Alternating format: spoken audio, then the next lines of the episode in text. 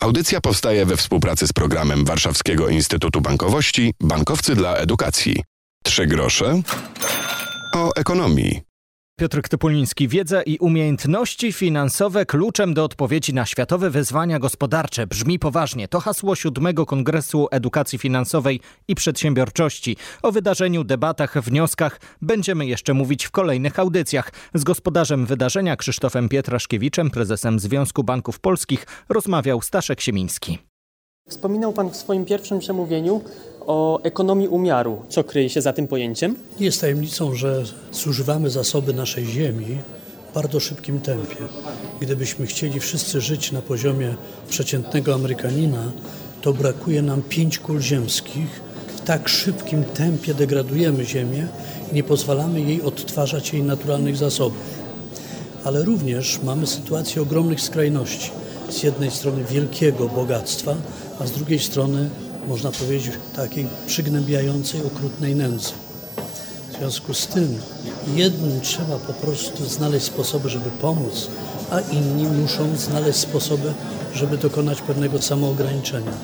Na pewno musimy oszczędzać energię i surowce, na pewno musimy oszczędzać nasze gleby, bo one pustoszają czy niszczeją, degradują się niestety w zastraszającym tempie.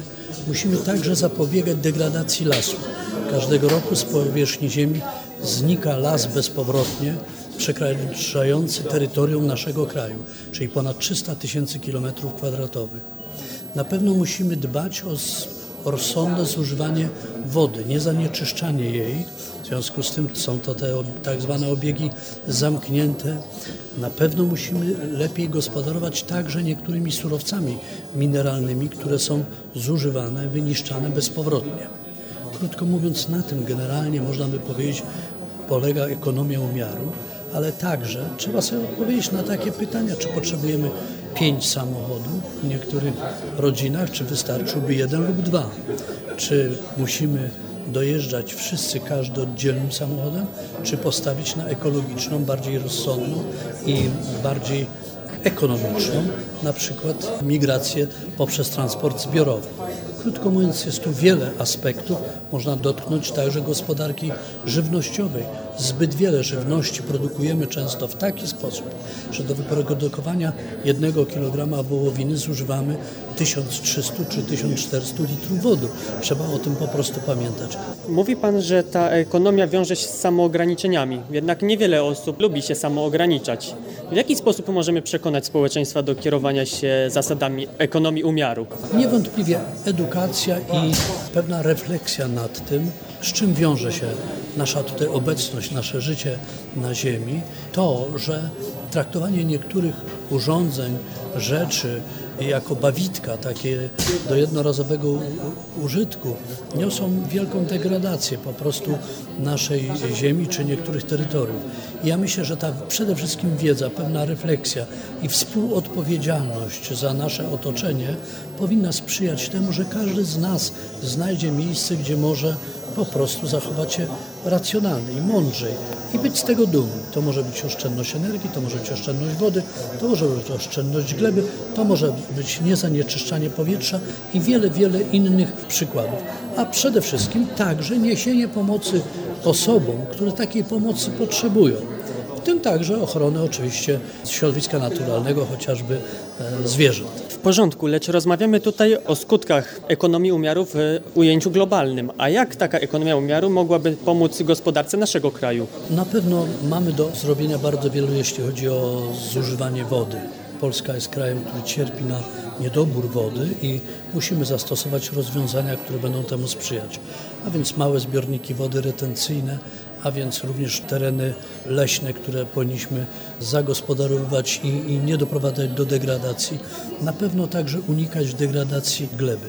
Na pewno także zużywać w odpowiedni sposób mniej energii energii elektrycznej, czy węgla kamiennego, czy też gazu i stosować na przykład rozwiązania e, z termoizolacją do naszych budynków, czy produkcją energii w sposób ekologiczny. To wszystko jest możliwe. Musimy się po prostu dobrze i mądrze zorganizować. Mówił Krzysztof Pietraszkiewicz, a pytał Staszek Siemiński. Trzy grosze o ekonomii. Słono zapłacimy za święta i mówię nie tylko o potrawach wielkanocnych. Poznaliśmy wyniki nowych badań na temat naszych Polaków wydatków. Karolina Łuczak, Prowident Polska. Okazuje się, że średnio na Wielkanoc w tym roku wydamy około 600 zł. Jest to kwota 64 zł większa niż w zeszłym roku. Wydawałoby się, że wzrost wydatków nie jest duży, natomiast zmienia się mocno nasze podejście do wydawania pieniędzy na święta. Okazuje się, że respondenci w tym roku będą o wiele częściej patrzeć na to, na co wydają pieniądze, będą szukać tańszych zamienników produktów, a częściowo również zrezygnują z niektórych wydatków. Jeśli chodzi o kwestie dotyczące tego, kto na święta wyda najwięcej, to najwięcej wydadzą osoby w wieku pomiędzy 35 a 44 rokiem życia i one na święta planują przeznaczyć ponad 700 zł. Już tradycyjnie mężczyźni mówią o tym, że budżet świąteczny będzie wyższy, bo wskazują na 690 zł, a kobiety mówią, że uda im się zamknąć w kwocie średnio 519 zł. Jeśli chodzi o to, jak będziemy spędzać te święta, to większość z nas planuje święta w domu. Jest to oczywiście związane też z oszczędzaniem i z wydatkami, które są związane z mm, świętami wyjazdowymi. Zadaliśmy Polakom pytanie również o to, co będzie gościło na wielkanocnych stołach w tym roku. No i tradycyjnie oczywiście spodziewamy się jajek, białej kiełbasy. W tym roku żur zdecydowanie wygrywa z białym barszczem. Jeśli chodzi o wypieki, najpopularniejszy jest makowiec, potem mazurek. Pojawia się również wśród wyników badań pascha. Niemal 3 czwarte Polaków, niezależnie od tego, czy przewidują, że ich wielkanocny budżet wzrośnie, zamierza w tegoroczne święta oszczędzać na produktach i uważniej przyglądać się cenom. W tej kategorii niekwestionowanymi mistrzami są mieszkańcy województwa wielkopolskiego. Trzy grosze o ekonomii. Powoli przychodzi czas rekrutacji do szkół, na uniwersytety. Wydaje mi się, że pierwsi na start ruszają najstarsi, ci, którzy chcą pójść do szkół doktorskich. Niektórzy mogą spytać, a po co? I to pytanie mogą pewnie zadawać ci trudzący się właśnie nad magisterkami czy pracami licencjackimi. Spytałem o to profesora Alojzego Nowaka, rektora Uniwersytetu Warszawskiego. Jak mówi, bardzo dużo osoby z doktoratem dają gospodarce, pracodawcom, koncernom i małym firmom. Zatrudnianie osób, e, które uzyskały doktorat poza pewnym uporządkowaniem świata wnosi pewną świeżość w spojrzeniu i ułatwia modelowanie istniejących tam struktur, istniejącego podejścia do prowadzenia biznesu, no i daje wiedzę merytoryczną, która jest niezwykle ważna i z reguły ta wiedza merytoryczna jest sprzed miesiąca, sprzed dwóch miesięcy czy z trzech miesięcy. Właściwie świat zewnętrzny, biznesowy, który zajęty jest takimi sprawami bieżącymi, w zdecydowanej większości nie ma czasu na studiowanie tego, co się wydarzyło tydzień temu, dwa tygodnie, czy jakie tam są wyniki badań. I daje coś, co chyba jest najważniejsze, poza tym, co wymieniłem, refleksję. Daje pewne takie spojrzenie zewnętrzne, daje refleksję wobec istniejącego świata, daje refleksję wobec istniejących czy dziejących się tam zdarzeń, cyklów produkcyjnych. Tak jest to bardzo potrzebne, ponieważ refleksja zawsze prowadzi do tego, że można coś zrobić inaczej, można coś zrobić lepiej. Pisanie doktoratu zawsze jest związane z pewnym ryzykiem że wyniki badań nie będą takie, jakie się oczekuje, bo tak to jest w nauce, że czemuś się nie podoła z jakichś powodów, będzie choroba bliskiego, kogoś dalszego, że jakieś nieprzewidziane czarne łabędzie się pojawią i tak dalej. Czyli powiedziałbym tak, że w zdecydowanej większości osób, które piszą doktoraty, ryzyko jest czymś naturalnym. One potrafią upaść, mogą znaleźć się w sytuacji takiej, która wydawałaby się bez wyjścia i są w stanie się podnieść i rozwiązać problem.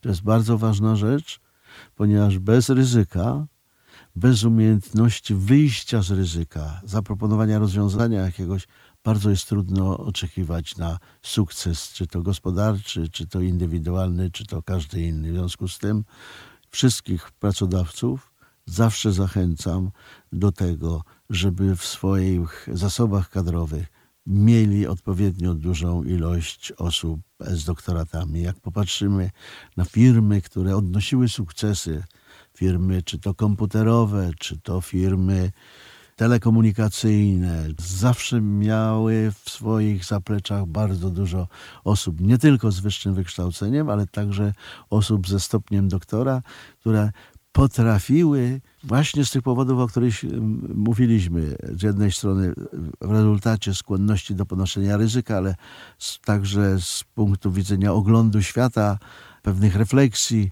potrafiły się prze uczwarzyć, jeśli tak można powiedzieć, zaproponować nowe rozwiązanie, e, zaproponować wyjście z sytuacji kryzysowej i osiąganie sukcesów.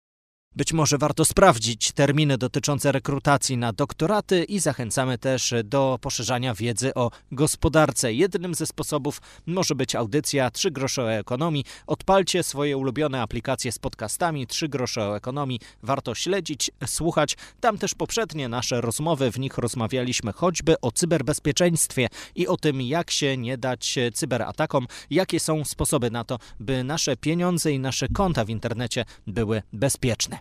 Piotr Topuliński, do usłyszenia. Audycja powstaje we współpracy z programem Warszawskiego Instytutu Bankowości Bankowcy dla Edukacji.